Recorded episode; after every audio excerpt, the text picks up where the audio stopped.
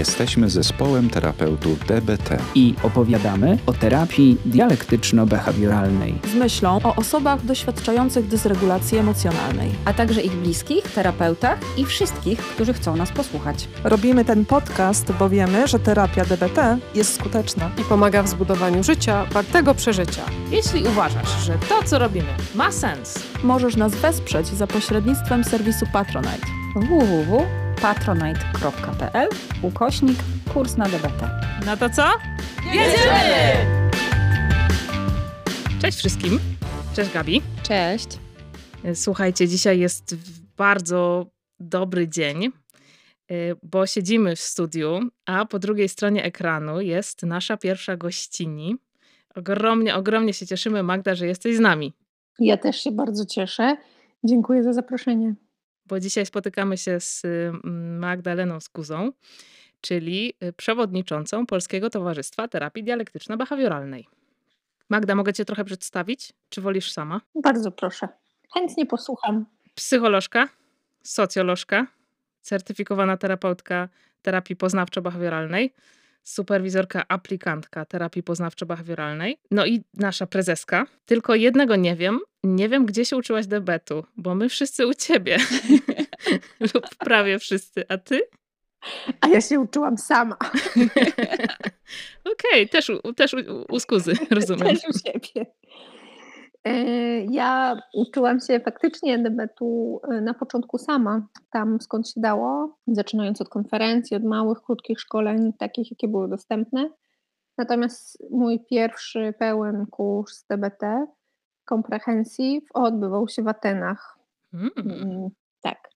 E, mieliśmy taką okazję, członkowie polskiego zespołu DBT, pierwszego takiego większego grupy siedmiu osób, Zostaliśmy zaproszeni do udziału w, e, przez greckie Stowarzyszenie DBT, które już drugi czy trzeci rok organizowało to szkolenie, a prowadzącymi byli wykładowcy mm, z Behavioral Tech, uczniowie Marszlina Han, moim pierwszym nauczycielem DBT, takim jakby całościowym był Tony Dubos i tam właśnie razem z kolegami z Grecji i z Cypru, ponieważ oni tworzą jakby wspólne zespoły, uczyliśmy się DBT i tam było był mój pierwszy, e, pierwszy biegun dialektyczny. Aha. Moi kolejni nauczyciele DBT, nie w kolejności chronologicznej, bo jeszcze wcześniej przed tym całościowym szkoleniem był profesor Martin Bochus e, i jeszcze profesor Alan Fruzetti. I taką najbardziej dialektyczną równowagą jest właśnie równowaga pomiędzy e, Tonym Dubosem a Alanem Fruzetti. To są dwa bieguny właśnie takiej podejścia do terapii DBT. Niezwykle, e, niezwykle ciekawe osoby, niezwykle z ogromną wiedzą. E, z, właśnie ze Stanów Zjednoczonych, a co jest w ogóle świetne, to też możliwość nauki od profesora Marcina Bochusa, to w ramach mniejszych takich szkoleń, było dwu, czterodniowych, to uczestniczyłam w kilku z nich, to jest jakby znajomość, świadomość i przełożenie tych pewnych zasad, założeń terapii DBT na grunt europejski. Profesor Bochus jest dużo lepiej zorientowany w naszych warunkach, co jest możliwe dla nas do zrobienia. Więc to jest moja trójka nauczycieli DBT. Okej. Okay. Tam się uczyłam. Brzmi światowo. Ej, to było bardzo ciekawe. Zawsze chciałam to wiedzieć. Y, dzięki. Bardzo już bym chciała zapytać o ten zespół siedmioosobowy, ale, ale umówiłyśmy się na inną kolejność pytań, więc zacznę od czegoś innego. Bo w ogóle jest tak, Magda, że przygotowaliśmy się do spotkania z Tobą całym zespołem. I chociaż dzisiaj jesteśmy tutaj z Gabrysią, to reprezentujemy cały nasz zespół. Więc zadając pytania, będziemy y, też informować, od, od kogo pochodzą, bo będą pochodziły od różnych osób. Ja zacznę. To świetnie, bo jakbym miała zgadywać, od kogo pochodzą, Hej, może, może, możemy się w to pobawić. Z jednym pytaniem tak zrobię. A teraz powiem Wam, że wpisałam w Google takie pytanie, ile jest nurtów terapeutycznych. I dostałam odpowiedź, oczywiście nie mam pojęcia, czy prawdziwą, że wiodących szkół jest około 10, ale można doliczyć się około 400 różnych podejść aktualnie. No i pierwsze pytanie, jakie chciałabym Ci zadać, jest takie: jak to się stało i dlaczego spośród 400 różnych opcji Ty wybrałaś akurat DBT? Bardzo trudne pytanie. To trochę tak jakby zapytać Hindusa, wiedząc, że w Indiach jest milion trzysta bóstw, dlaczego czci akurat tego? Tak, to, to chyba jest trochę tak. To dlaczego?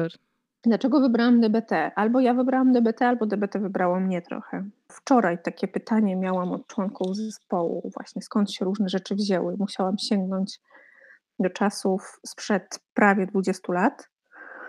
Yy, gdy pracowałam w przedszkolu i w szkole z 4 i 5-latkami w Kalifornii, i to było takie naprawdę bardzo mocno dla mnie kształtujące doświadczenie w zakresie mojej pracy jako psycholog, psychoterapeuta, bo spotkałam się właśnie z takim, z jednej strony bardzo humanistycznym podejściem rozumienia i, e, i empatii, rozwijania mm, umiejętności społecznych, a z drugiej strony ze zrównoważoną zrównoważonym podejściem, ze świadomością rozwoju, zasad uczenia się, pewnych strategii, technik behawioralnych, nie w ich rygorystycznym i takim surowym rozumieniu, ale w takim e, bardzo funkcjonalnym, bardzo, e, bardzo przydatnym. Więc to był mój początek ścieżki. Zawsze wiedziałam, że chcę szukać czegoś takiego, co będzie łączyć wiedzę i też podejście do drugiej osoby właśnie z empatią, zrozumieniem, e, ale nie tak rozumianym jako siedzenie i głaskanie po głowie. No i tak zaczęła się moja ścieżka. E, no to brzmi jak świetny róż... grunt pod debet. Tak, tak, z różnymi takimi perypetiami e, do terapii poznawczo-behawioralnej.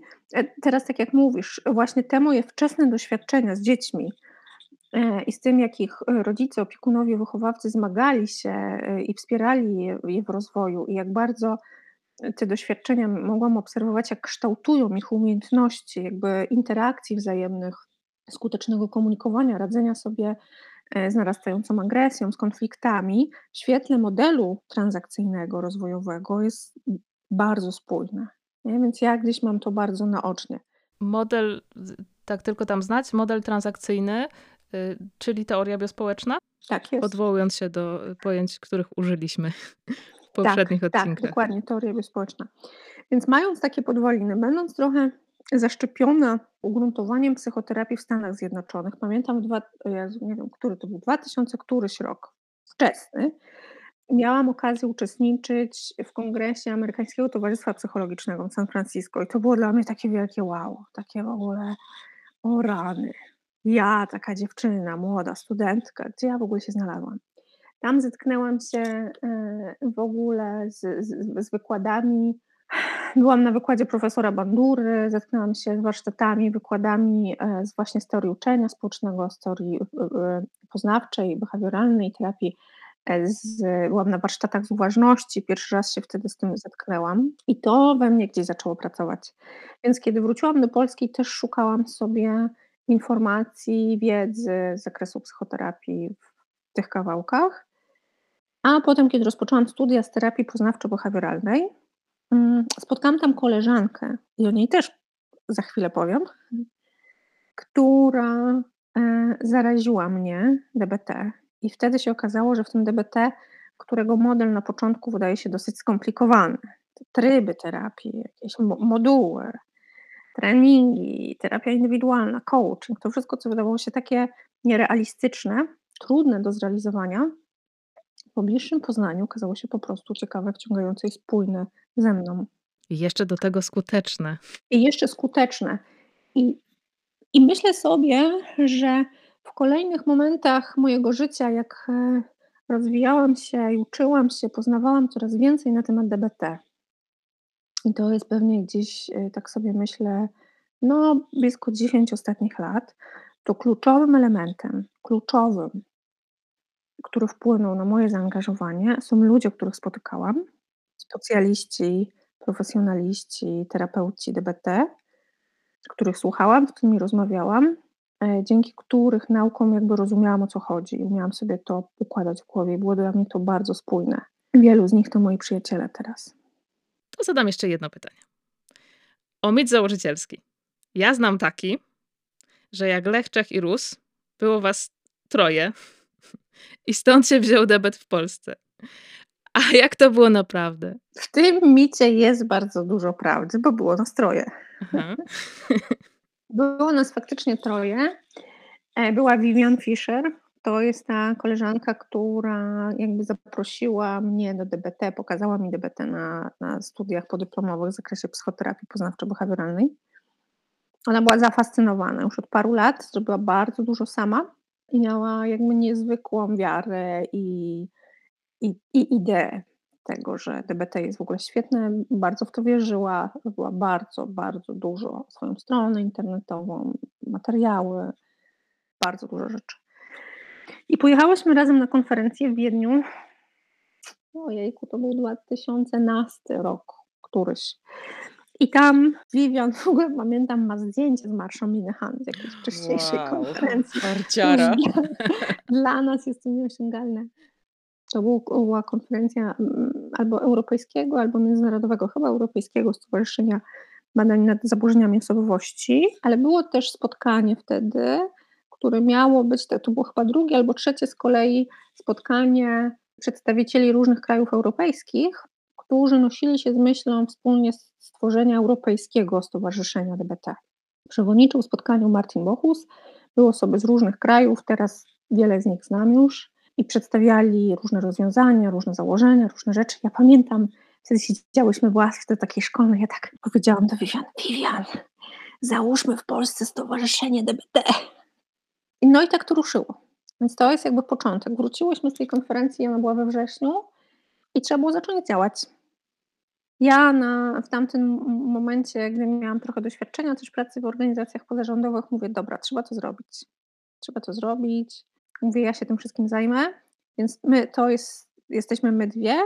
No jeszcze jest trzeci, Lech Czech i Rus do tego, Jacek Stasiuk, lekarz psychiatra. Z nim współpracowałam już wcześniej w zakresie pracy terapeutycznej i, i, i psychiatrycznej. Tak Dużo pracowaliśmy z pacjentami właśnie z regulacją, emocją, schwiejnością. I za, przedstawiłam mu ten pomysł. Mówi, super, świetnie, zróbmy to. Więc dołączył do naszej trójki. Też pomyśleliśmy, że będzie to takie zaproszenie i otwarcie na środowisko lekarzy psychiatrów, żeby jakby pokazać, tu jest potrzebne wspólne podejście. Więc ten pomysł założenia stowarzyszenia się rozwijał i nabrał on kroków. e, Już całkiem nie, nie, niedługo po tym, e, bo to był listopad albo grudzień 2016 roku, więc zaledwie 2-3 miesiące. I siedmiu, teraz mamy, chciałam powiedzieć siedmiu muszkieterów, ale to nie wiem, siedmiu wspaniałych. Siedmiu wspaniałych jest chyba, Czyli nie? listopad 2013, tak? 16. 16. 16, tak. Mhm. Siedmiu wspaniałych. To była Vivian Fischer, Jacek Stasiuk i ja jako pierwszy zarząd. Magdalena Tylko, Anita Kręgielewska i Magda Augustyniak y, w komisji rewizyjnej i Olga Bartosik jako y, siódmy członek założyciel. To była nasza cała siódemka, pierwszy skład. Okej. I tak powstało PTDBT. I tak powstało właśnie PTDBT. Z osób, które wymieniłaś, od razu pojawiają mi się w głowie e, inicjatywy, które te osoby prowadzą. I myślę tutaj o stronie czy blogu Emocje Pro, który jest prowadzony przez Vivian, i o podcaście Ogarnij emocje i relacje, e, prowadzonym przez Magdę Tylko i przez Natalię Gorzelnik. Zapraszamy do sięgnięcia do tych materiałów. To mam wrażenie, że już ym, trochę odpowiedziałaś na to pytanie, ale, ale chcę ci je zadać. To jest pytanie od Grzesia, który pyta, czy wystąpił u ciebie moment zakochania w DBT? Jeśli tak, to czy, czy to jest miłość raczej trudna, czy łat, raczej łatwa? Czy może i trudna, i łatwa jednocześnie? Ta miłość nie jest trudna, to jest łatwa miłość. Trochę odpowiem słowami Alana. Alan mówi: Umiejętności dają wybór, dają wolność nie? i zmieniają życie. Ja odkąd y, pracuję i uczę się DBT, i uczę się umiejętności regulowania swoich emo- em- emocji, uważności, radzenia sobie w sytuacjach kryzysowych, poprawy komunikacji z innymi, skutecznej komunikacji, dużo akceptacji, dużo świadomości tego, co się ze mną dzieje, nieoceniania, to naprawdę zmieniło moje życie. Zmieniło mnie jako mamę, ukształtowało mnie jako mamę. Zetknięcie się z ludźmi, którzy pracują w DBT od 20-30 lat, jakby kontakt, relację, jaką możemy nawiązać, jak to jest faktycznie komunikować się, przyjaźnić, rozumieć z kimś, kto umiejętnie funkcjonuje. Z szacunkiem do drugiej osoby, ze zrozumieniem, e, z podejściem do problemów jako rzeczy, które normalnie zdarzają się w życiu, z których są różne wyjścia, gdzie mamy różne perspektywy. Więc to jest łatwa miłość. To jest taka miłość, która y, ułatwia życie, która po prostu zmienia nas. Alan też tak mówi, DBT zmienia życie. I to jest prawda. I jednocześnie to jest miłość wymagająca. To jest inaczej, to jest wymagający związek. Dlatego, że o ten związek, o tę miłość trzeba dbać. Nie wystarczy być zakochanym i kupić sobie koszulkę i love DBT, tylko trzeba pracować. Trzeba pracować, bo ta miłość jest narażona na wyzwania, ten związek jest narażony na wyzwania, na zmęczenie, na trudne problemy pacjentów, na problemy organizacyjne, e, na y, systematyczność i konieczność jakby wierności pewnym zasadom, pewnym strategiom, y, na konieczność rozwijania wiedzy, na konieczność eksponowania się na różne trudności, na, na pracę z, z naprawdę trudnymi problemami naszych pacjentów. Więc to jest wspaniała miłość, ale naprawdę o ten związek trzeba dbać cały czas. Dzięki. Mm. O DBT w Polsce chciałabym Cię popytać. Mhm. Zaczynając od y, poruszenia y, tematu czterech y, obszarów działalności PTDBT. Stowarzyszenie, działalność, aktywność musi pełnić jakieś funkcje. Więc tak staraliśmy się ułożyć te nasze obszary działań, właśnie na skupienie się na wsparciu terapeutów w rozwijaniu ich kompetencji, e, pomaganiu pacjentom wspieranie i pomaganie rodzin. I to naturalnie zaczęło się rozwijać wraz z wprowadzeniem Family Connection. No i nasze marzenie, które jest obszarem jeszcze najmniej dotkniętym, to są badania naukowe, czyli prowadzenie na gruncie polskim badań, które by pokazywały skuteczność DBT w Polsce. Rozwijanie kompetencji terapeutów to wydaje się poziom pracy u podstaw, bo wiemy, że im bardziej kompetentni terapeuci, im bardziej skutecznie sobie radzą, mają większą, mm, większe zasoby wiedzy, są zorganizowani w zespoły, mają od kogo się uczyć. Widzą, jakby nie tylko uczą się wiedzy od specjalistów z innych krajów, ale też widzą zaangażowanie, doświadczają, jak się pracuje, kiedy już ma się doświadczenie w DBT. To niezwykle e, motywuje i modeluje. No to tutaj staramy się robić szkolenia, robić warsztaty, robić webinary, cykle regularnych szkoleń całościowych, dla chętnych psychoterapeutów w Polsce i to od tych parę lat udaje się rozwijać. Madzia, i tu jeśli pozwolisz, to wejdę Ci w słowo, bo wszystkich terapeutów, którzy są zainteresowani szkoleniem się w nurcie DBT, zapraszamy do odwiedzania strony Polskiego Towarzystwa Terapii Dialektyczno-Behawioralnej. Tam e, są ogłoszenia o zbliżających się konferencjach czy szkoleniach. Tak jest. Staramy się, żeby to nasze główne szkolenie udawało się organizować co roku. Jak ty, Magda, myślisz, ile to y, może trwać, ten proces kształcenia terapeuty, który opisałaś? Kiedy jest ten moment, kiedy y, można powiedzieć, że mamy wykształconego y, terapeutę DBT? Ile to mija czasu? Ja powiedziałabym, trochę bazując na moim doświadczeniu, na doświadczeniu członków moich, mojego zespołu, ja widzę, że ten okres takiego inicjalnego, wstępnego interesowania się DBT i samokształcenia, powiedzmy rok, dwa lata, że czytam, że dowiaduję się, że oglądam webinary, że uczestniczę w małych szkoleniach. Słucham podcastów. Słucham podcastów. E, jakby próbuję coś wdrażać w swojej pracy, a potem idę na szkolenie, które trwa rok i zaczynam pracować z zespołem, to to jest taki dobry czas. I coraz bardziej doceniam tę wiedzę przed szkoleniem, do, do, e, dokształcanie się, przygotowywanie się, doświadczenie kliniczne, jako naprawdę ważne takie cenne, cenne warunki do kształcenia się całościowym DBT. Bo DBT, nasze szkolenie komprehensyw, ono trwa rok, ale to nie jest krótka ścieżka, szybka ścieżka, żeby zostać psychoterapeutą. To mamy omówione rozwijanie społeczności kompetentnych terapeutów. Mhm. Co dalej? Społeczności. Zapomniałam o tym jeszcze jednym kawałku, że DBT nie chodzi tylko i wyłącznie o to, żeby się jak najlepiej kształcić samemu, ale żeby terapeuci uczyli się pracy w zespołach. Społeczność i kompetencja. Nam bardzo zależy. I też staramy się to modelować, organizować, pomagać, organizować się terapeutom z różnych części Polski, chociażby w zespoły online, wspierać się i zgodnie właśnie z zasadami, z założeniami wypracowanymi przez Marszę i jej zespół którzy doświadczyli tego, że praca z pacjentami z dużą dysregulacją emocji, z tendencjami samobójczymi jest bardzo wymagająca i w zespole mm, zespół może pełnić funkcję i wspierania terapeuty, i e, rozwijania jego motywacji, przeciwdziałania wypaleniu i radzenia sobie też, żeby faktycznie ta praca była zgodna z modelem, więc zespół jest niezwykle ważny.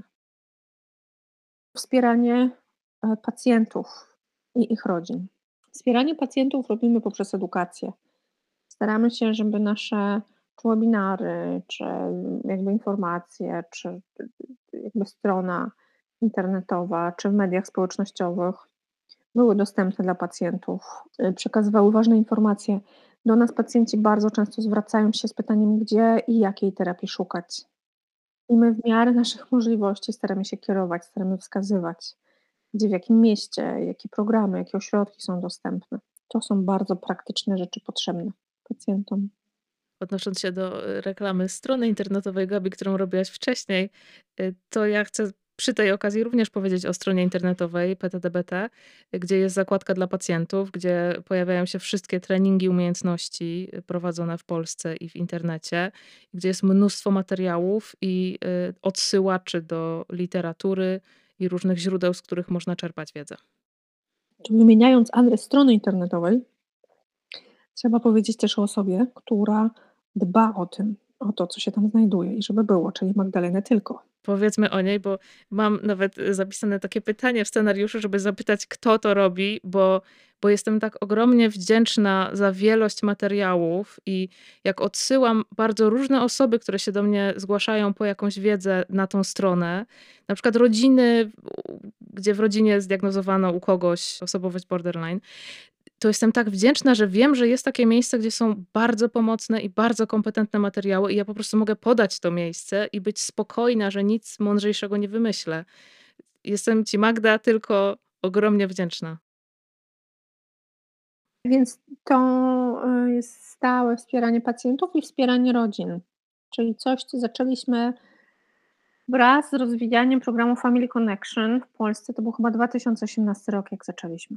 I tutaj też nasze pierwsze szkolenie dla liderów z przygodami, ale o tym można było oddzielny odcinek, o tym jak, jak skąd się wzięło Family Connection w Polsce. Będzie, jaka była, obiecujemy. Jaka była ścieżka Family Connection, czyli 12-tygodniowy, bezpłatny program dla bliskich, dla partnerów, dla rodzin, dla przyjaciół, dla rodzeństwa, dla wszystkich osób, które chcą wspierać swoich bliskich z zaburzeniami osobowości z pogranicza, z regulacją emocjonalną, uczyć się umiejętności, dbać o siebie i dbać o relacje fantastyczny program prowadzony w bardzo wielu krajach na świecie ze świetnymi rezultatami. Badania naukowe to jest nasz cel na przyszłość. I liczymy, że za parę lat będziemy mogli przekonać też społeczność polskich specjalistów w zakresie zdrowia psychicznego, pokazać im badania naukowe, skuteczność i dowody. I wydaje mi się, że jesteśmy w takim bardzo naturalnym miejscu, więc tutaj niespecjalnie bym się frustrowała, że na razie nie mamy tych wyników badań, dlatego że w tej fazie rozwijania e, terapii DBT, która jest oparta na dowodach, tylko badań prowadzonych za granicą w innych krajach, które są trochę przed nami, że jeszcze nie jesteśmy na takim mm, stopniu rozwoju i żeby mm, działalność naukowa spotkała się z praktyką. Jeszcze jesteśmy przed tym. Ja tak cię słucham i próbuję liczyć w głowie, że to, rozumiem, niecałe 7 lat temu powstało Polskie Towarzystwo. Mhm. I jest to dla mnie tak niesamowicie imponujące, jak ogromnie dużo się przez te niecałe 7 lat y, wydarzyło i rozwinęło, i jak z korzeni wyrastają już nie tylko pierwsze gałęzie, ale kolejne i kolejne i kolejne piętra te, tego drzewa, które tworzymy. Mhm. Tak, to tak naprawdę mało i dużo. Dla mnie to zleciało jak z bicza czasu. Bardzo szybko ten czas zleciał, a faktycznie myślę, że jest trochę tych rozgałęzień, przykładem czego jesteście i wy. Hmm, bardzo dziękuję, że o tym mówisz, bo teraz okazuje się, że w scenariuszu jest e, pytanie ode mnie, a że jestem tutaj i mogę zadać je sama, to skorzystam z przywileju rozwinięcia tego troszkę do również do anegdoty. E, nie wiem, Magda, czy ty sobie zdajesz sprawę z tego, że ja kiedyś byłam w życiu bardzo blisko obrażenia się na ciebie. Mój emocjonalny umysł bardzo intensywnie działał, ponieważ pamiętam, jak zupełnie niespodziewanie na, na szkoleniu połączyliście nas e, w zespół konsultacyjny. Ja nie miałam zielonego pojęcia, co to znaczy i co się będzie działo. Jeszcze wtedy bardzo miała, mało e, wiedziałam o debecie, ale im więcej się dowiadywałam, im bardziej się za, zakochiwałam w tym podejściu, tym więcej miałam takich myśli, ojej, jak ja Magdzie zazdroszczę, że w tym Gdańsku, oni to oni tak już mają to zrobione. I pamiętam, że kiedyś na jednym z zespołów y, to powiedziałam i mówię do ciebie właśnie tak, że, że naprawdę marzyłabym, żeby to w Krakowie też było. I miałam nadzieję, że ty mnie ojojasz i powiesz, ojej, biedna Gabi. A Magda z rozbrajającą szczerością, pamiętasz, co wtedy powiedziałaś? Tak, to zacznij to robić. Magda powiedziała: Gabi, to przestań marzyć, tylko zacznij to robić. I ja byłam tak zaskoczona i mówię, ale Magda, ale ja mam pracę etatową, ja mam studia, ja mam, ja mam mnóstwo rzeczy, ja nie mam kiedy. A Magda na to? Pamiętasz? Nie wiem, co powiedziałam. To się Gabi zastanów, czy w twoim, czy, czy ty na pewno żyjesz zgodnie z własnymi wartościami. Mój emocjonalny umysł potem chodził tydzień i mówi: No tak, no dzięki Magda, łatwo tak mówić, nie? Tak po prostu powiedzieć: zmień swoje życie i po prostu zacznij pracować w debecie. Bardzo byłam blisko obrażenia się. A z drugiej strony mój racjonalny umysł mówił: No, możesz się Gabi obrażać, ale ziarno mądrości to w tym jest. To rzeczywiście był bardzo wymagający i długi proces, żeby tak poskładać swoje życie, moich osób, które są u nas w zespole, żeby dojść do tego, e, co my dzisiaj mamy, czyli, czyli e, zespół pracujący, starający się pracować e, zgodnie z zasadami debetu. W ogóle znalezienie terminu na półtora godzinne spotkanie, my mamy w ogóle godzinę 15, 10 y, specjalistów, którzy pracują każdy gdzie indziej i każdy osobno, to, to już jest, tak? to już jest taka praca. Zdarzało nam się w maju planować termin, który mógł być dostępny od września, e, bo każdy z nas pracował w innym i nadal pracujemy w innych miejscach, mamy inne zobowiązania. Trwa to już trzy lata, jeśli dobrze pamiętam. E, I, I rzeczywiście jest to miłość e, wymagająca,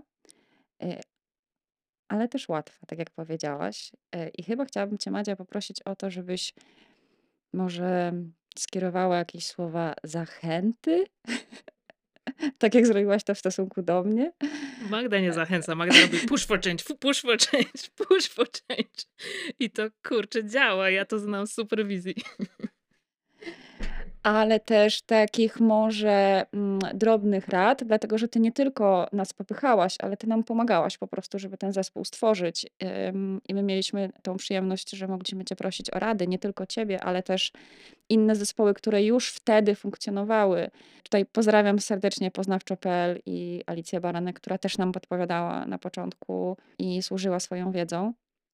Więc jeśli mamy taką okazję, to Madzia, prosiłabym Cię o kilka słów y, podpowiedzi i zachęt dla osób, które chcą stworzyć zespół. Chcą iść w stronę pracy w debecie. No i znowu może być tak, Gabi, że jak odpowiem na to pytanie, to będziesz się przez tydzień zastanawiać, czy się na mnie obrazić. Może tak być. Nie tylko Gabi, ale rozumiem jeszcze nasze, na, nasi słuchacze też, też ich to może spotkać. Poszukiwanie mądrego umysłu czasami trwa. Trochę parafrazując i Marszalina Han i koale Bastera Muna z bajki Sing, którą moja córka namiętnie ogląda. Kiedy ktoś waha się nad tym, co ma zacząć robić, trochę się boi, jak to mówi moja córka, troszeczkę się boi, to myślę sobie i chciałabym najbardziej łagodnym głosem, najbardziej uprawomocniającym powiedzieć, po prostu zacznijcie to robić. To jest najlepszy sposób. To jest jedyny sposób. I to jest też z drugiej strony sedno dialektycznej terapii behawioralnej, czyli behawioralnej, czyli skupionej na działaniu, nie na mówieniu. U nas zmiana zachodzi poprzez działanie. Więc faktycznie, jeżeli chcemy doświadczyć tej zmiany, i chcemy dojść do jakiejś zmiany, czyli chcemy dojść do tego, że będziemy, rozwiniemy się jako terapeuci behawioralni w zespołach, to musimy zrobić ten krok, który wiąże się z rozpoczęciem działania, że musimy po prostu zacząć to robić. Nie jest możliwe takie przygotowanie się, takie wyuczenie, takie zgromadzenie nie wiem, zasobów, zapasów, wszystkiego, żeby być gotowym zacząć to robić. A dlaczego? Dlatego, że kiedy zaczniemy to robić, musimy doświadczyć, co wychodzi, a co nie wychodzi, żeby móc zacząć korygować i się uczyć. Więc po prostu zacznij to robić. Jest konieczne, żebyś zaczął to robić, żebyś zaczął się uczyć, jak to robić. I miał wielką satysfakcję. Prawda, Gabi? Tak, Mówiłam wam, push for change, push for change, push for change. Tyle z zachęcania. Ale bardzo się podpisuję pod tym, co ty mówisz, e, że to początki są bardzo trudne, e, ale kiedy robimy to, nawet jeśli się trochę boimy, ale to robimy, to tylko tak możemy się nauczyć, a jest to niezwykle satysfakcjonująca i dająca efekty praca.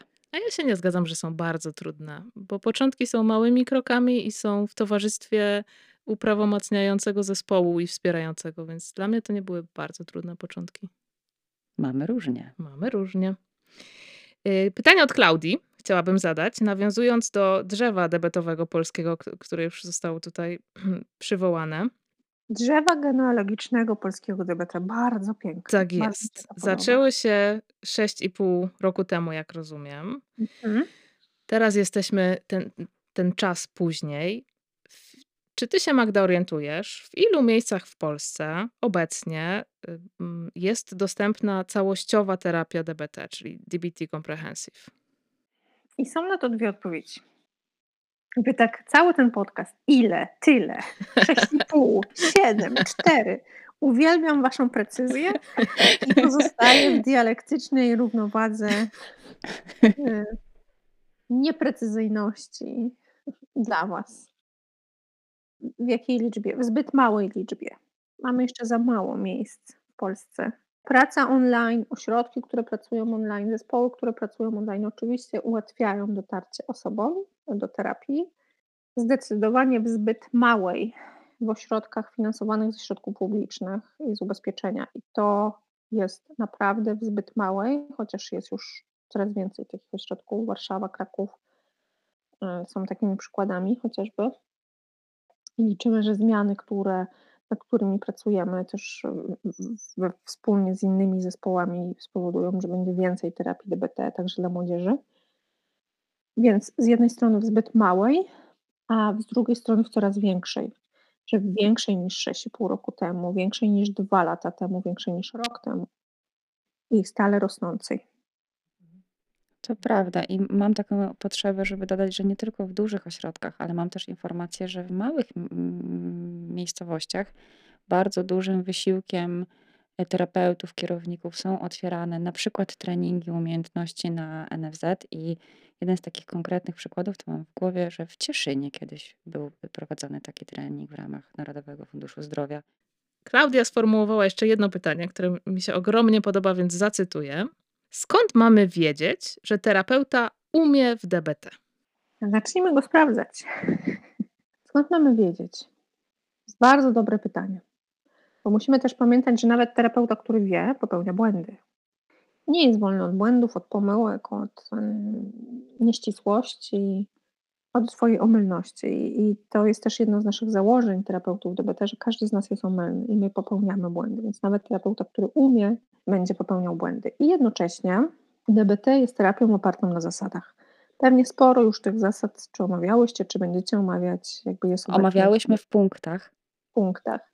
Liśmy. Więc, więc e, to jest tak naprawdę e, pytanie, kiedy idziemy, korzystamy z jakichś usług, gdzieś nie wiem, prosimy o coś, idziemy w jakieś miejsce i się orientujemy, czy to jest dobrej jakości, czy to jest dobre, bo ma pełnić jakąś funkcję, jakiś, jakiś cel. Wychodzimy od tego, że te, terapeuta, który umie w DBT, orientuje pacjenta, na czym będzie polegała terapia. Potrafi odpowiedzieć na pytania, z czego się składa, co po kolei będzie robione, co jest wymagane od pacjenta. Potrafi odpowiedzieć na pytanie, dlaczego będzie robione to i tamto i dlaczego takie funkcje ta terapia ma pełnić. dlaczego wymagane będą takie i takie rzeczy, tak? Czyli po, po, potrafi pacjenta zorientować w tym wszystkim. Potrafi wspólnie e, z pacjentem umówić się nad czym będzie przebiegała praca, jak będzie przebiegała praca e, i to, co się dzieje na tej terapii jest jasne dla pacjenta w miarę możliwości. Oczywiście wiemy, że emocje mogą stawać na drodze, jak dla uczestników terapii.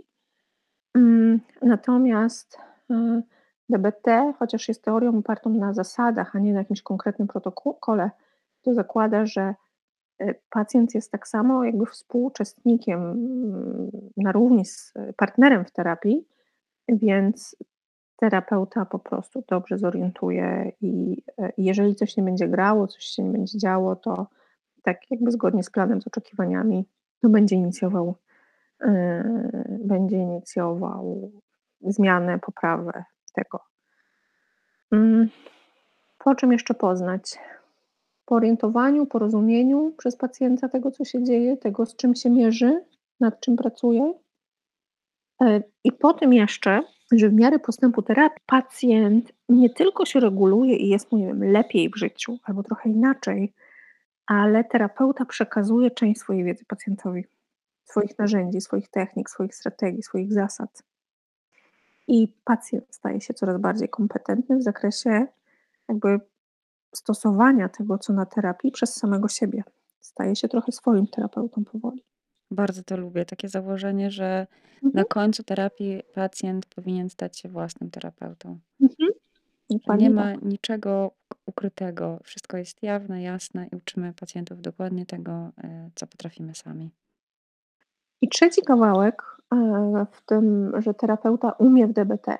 Ja bym powiedziała, że terapeuta robi dobre DBT, czy jakby zgodne z naszymi zasadami, jest to, że ten terapeuta pracuje w zespole.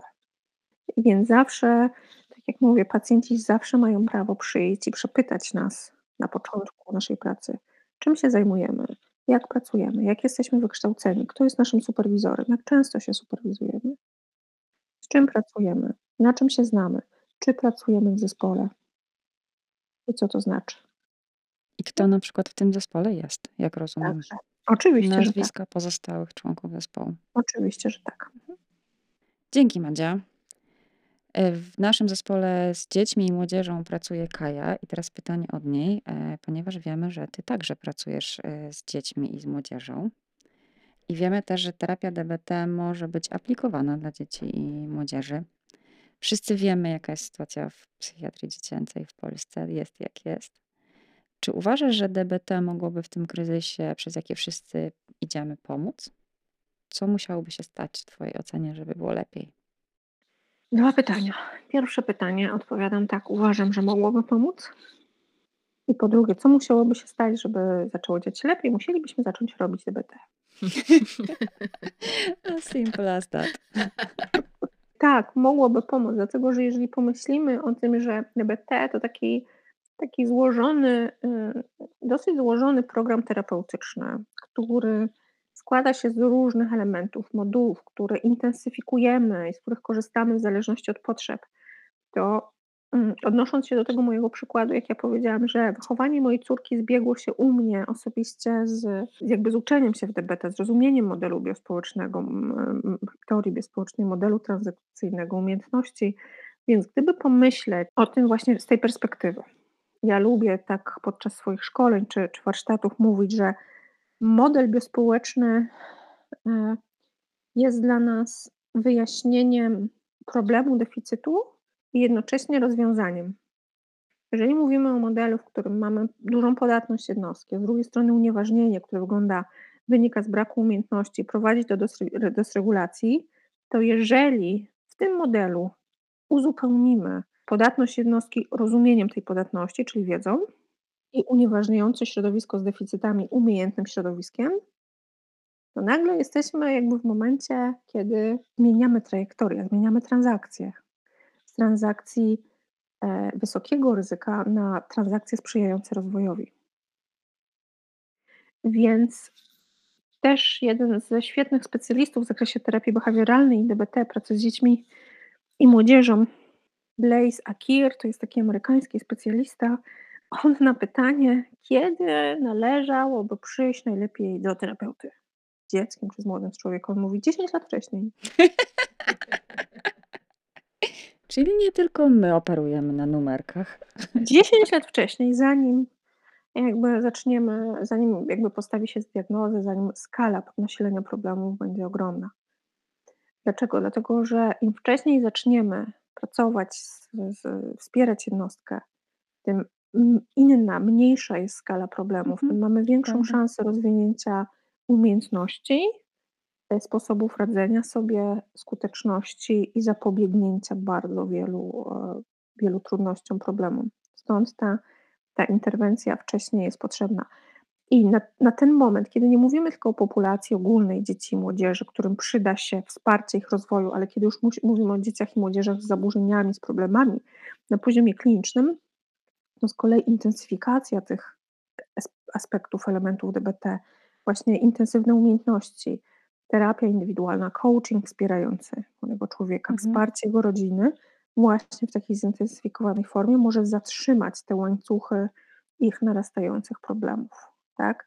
Wymaga to oczywiście rozumienia i pracy zespołów najczęściej. Takie amerykańskie powiedzenie, pewnie znane, nie? że potrzeba całej wioski, żeby wychować jednego człowieka, ale ten jeden człowiek może potem zmienić cały świat. Więc to jest istotne i to jest możliwe. I znowu, tak jak mówicie, jest to bardzo proste, ale co zrobić, żeby to zaczęło działać? Po prostu trzeba zacząć to robić. I ja czasami się zastanawiam nad tym, i to jest moje doświadczenie z pracy też w różnych kontekstach, różnych ośrodkach. Czy zaczynać od takiej pracy, że powiedzmy jest jeden, dwóch terapeutów, którzy zaczynają z pacjentami i po prostu wdrażają sobie, niezależnie od orientacji całego ośrodka, wdrażają sobie pracę, czy zacząć od budowania zespołu i nauczenia zespołu pewnych zasad i dopiero potem przenoszenia na pacjentów tego. I moje doświadczenie skłania się coraz bardziej ku tej drugiej stronie.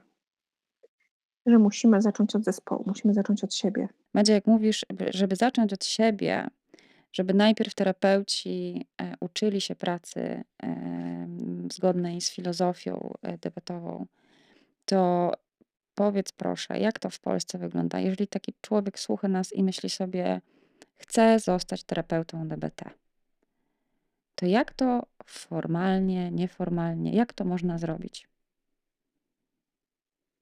No właśnie, zaczynają to robić. Ale tak serio, to przede wszystkim polecam, mm, podawałyście już adres strony internetowej. Odnieść się do chociażby do naszej strony PTDBT i zapoznać się z tym, zobaczyć, czy tam jest coś, co go interesuje. Czy faktycznie te treści, które są tam przedstawione, są dla niego zgodne z jego przekonaniami, z jego wartościami, z jego sposobem myślenia, e, podejściem do pracy. To jest bardzo ważne. Nie da się nikogo zmusić do DBT. Nie, da się kogoś jakby przekonwertować, bym powiedziała, tak? To musi jakby ze środka być. Więc ja bym powiedziała, najpierw poszukać materiałów na stronie, zobaczyć, czy to jest interesujące, potem może y, trochę pooglądać y, webinarów, posłuchać jakichś nagrań właśnie o podstawach chociażby waszych podcastów.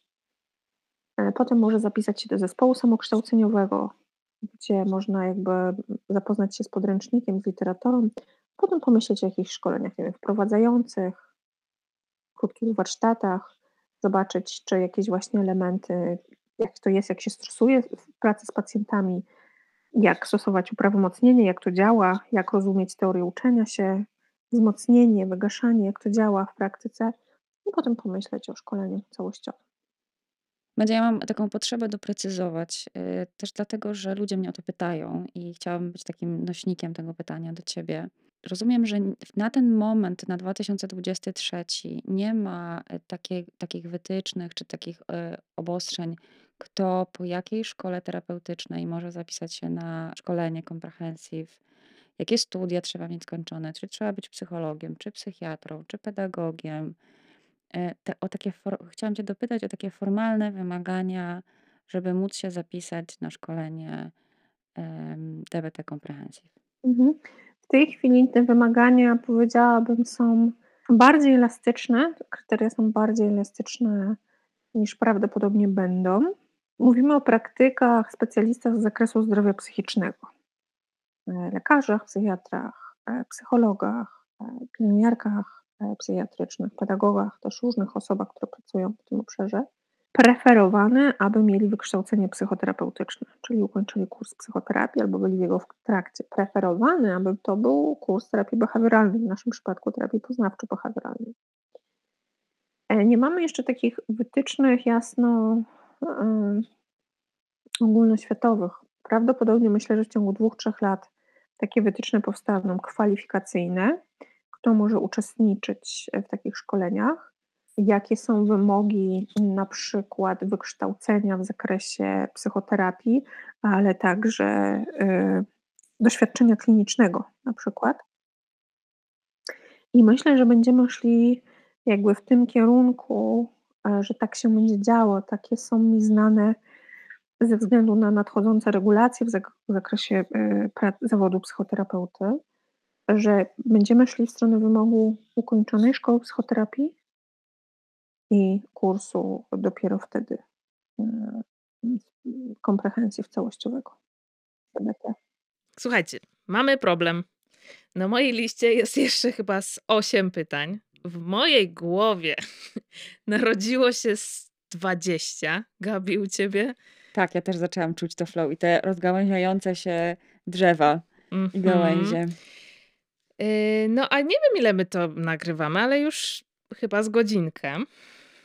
Magda, czy ty się jeszcze z nami spotkasz? Zróbmy głosowanie wśród słuchaczy. uwaga, uwaga, konkurs, ankieta. Jak sobie to wyobrażasz? No, że właśnie będzie taki narastający dźwięk budujący Bębnów atmosferę i będziemy liczyć głosy na ekranie, kto jest za, kto jest przeciwko. Kaja, to jest zadanie dla ciebie. Nie wiem, jak ty to zrobisz na Instagramie, ale życzymy powodzenia. To ja zostawiam te pytania niezadane z nadzieją, że słuchacze zagłosują na tak. Ale jeszcze jedno sobie zadam. No. No pewnie. No. Połączę dwa, bo pytanie od Klaudii jest o twoje około debetowe marzenie, a pytanie od Emilii. Jest w zasadzie do was obydwu, bo y, Magda, ty jesteś przewodniczącą PTDBT, ale ty, Gabi, jesteś członkinią komisji rewizyjnej.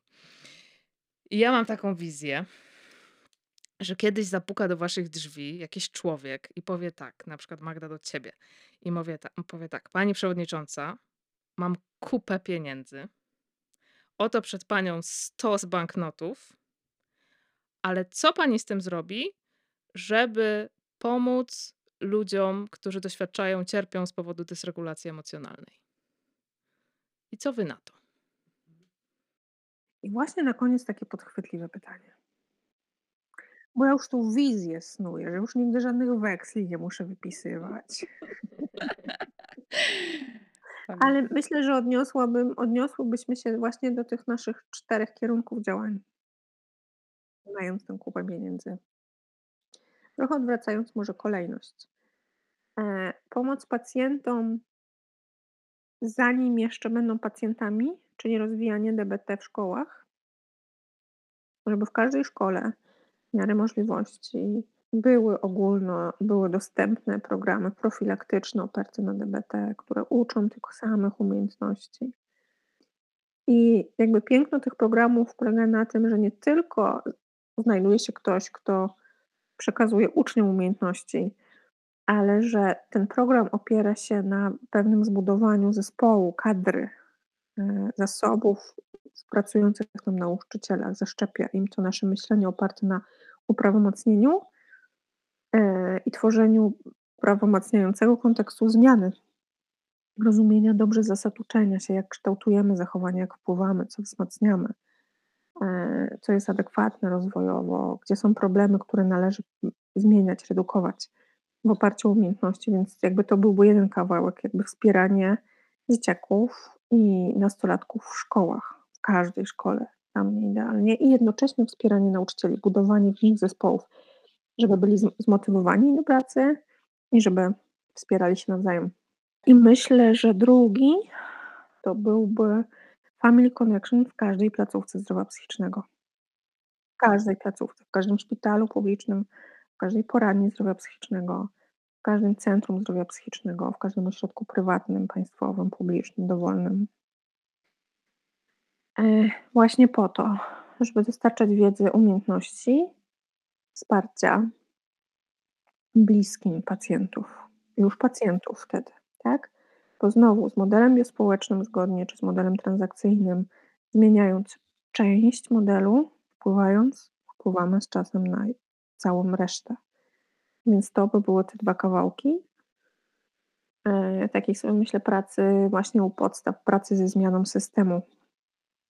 Na pewno wspaniale byłoby mieć środki na umożliwienie szerszego dostępu do kształcenia terapeutom, e, na budowanie zespołów, no i oczywiście na badanie tego, jak jest skuteczne, co robimy. Żeby coraz więcej osób przekonywało się, bo liczby mówią same za siebie. Podpisuję się rączkami i nóżkami pod tym, co mówi Magda. To są bardzo ważne obszary. E, ja bym dołożyła do tego jeszcze coś, co jest e, bliskie mojemu sercu z racji mojego pierwszego wykształcenia. E, myślę sobie, jestem ratownikiem medycznym. Marzyłoby mi się, żeby lekarze, pielęgniarki, ratownicy, czyli te osoby, które mają, jako, które mają bezpośredni kontakt z pacjentami, które doświadczają tu i teraz kryzysu samobójczego, wiedzieli, jak pomóc i pomagali skutecznie i nie mieli też poczucia bezradności. Ja jestem słaba w struktury i nie do końca wiem, co robi komisja rewizyjna, ale wyobrażam sobie, że będziesz miał kupę roboty, jeśli ktoś kiedyś taką kupę kasy wam dostarczy. Ale mimo tego zapraszamy. Miło jest, miło jest razem pomarzyć. Magda, bardzo, bardzo Ci dziękujemy za spotkanie. Mm, słuchajcie, my próbowałyśmy się spotkać najpierw na żywo, mhm. ale nie udało się, a dzisiaj udało się w przestrzeni online spotkać, więc łączymy się z Gdańskiem i dziękujemy, że połączył się z nami.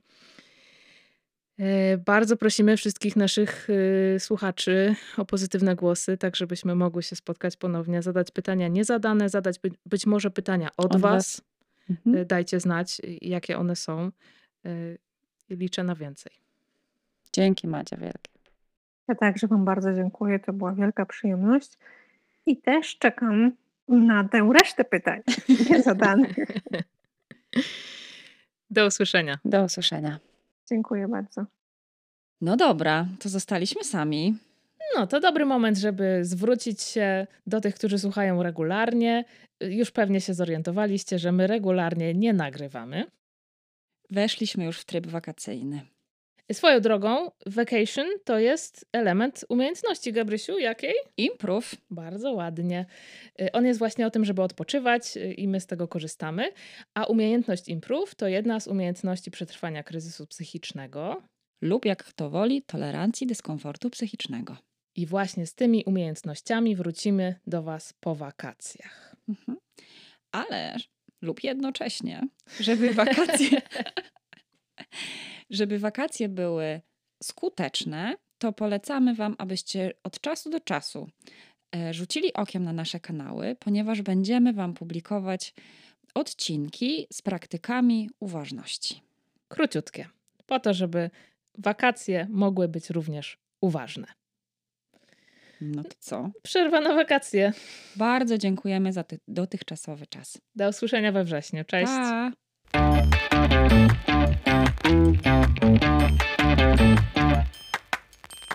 Nie każdemu udaje się dotrzeć do końca odcinka. Cieszymy się, że dopłynęliście tu razem z nami. Jeśli uważasz, że to, co robimy, ma sens, możesz nas wesprzeć za pośrednictwem serwisu Patronite. www.patronite.pl kurs na DBT. Wdzięcznie spożytkujemy każdą przekazaną nam wpłatę. Stwórzmy razem ogólnopolską debetową społeczność. Do usłyszenia w kolejnym odcinku.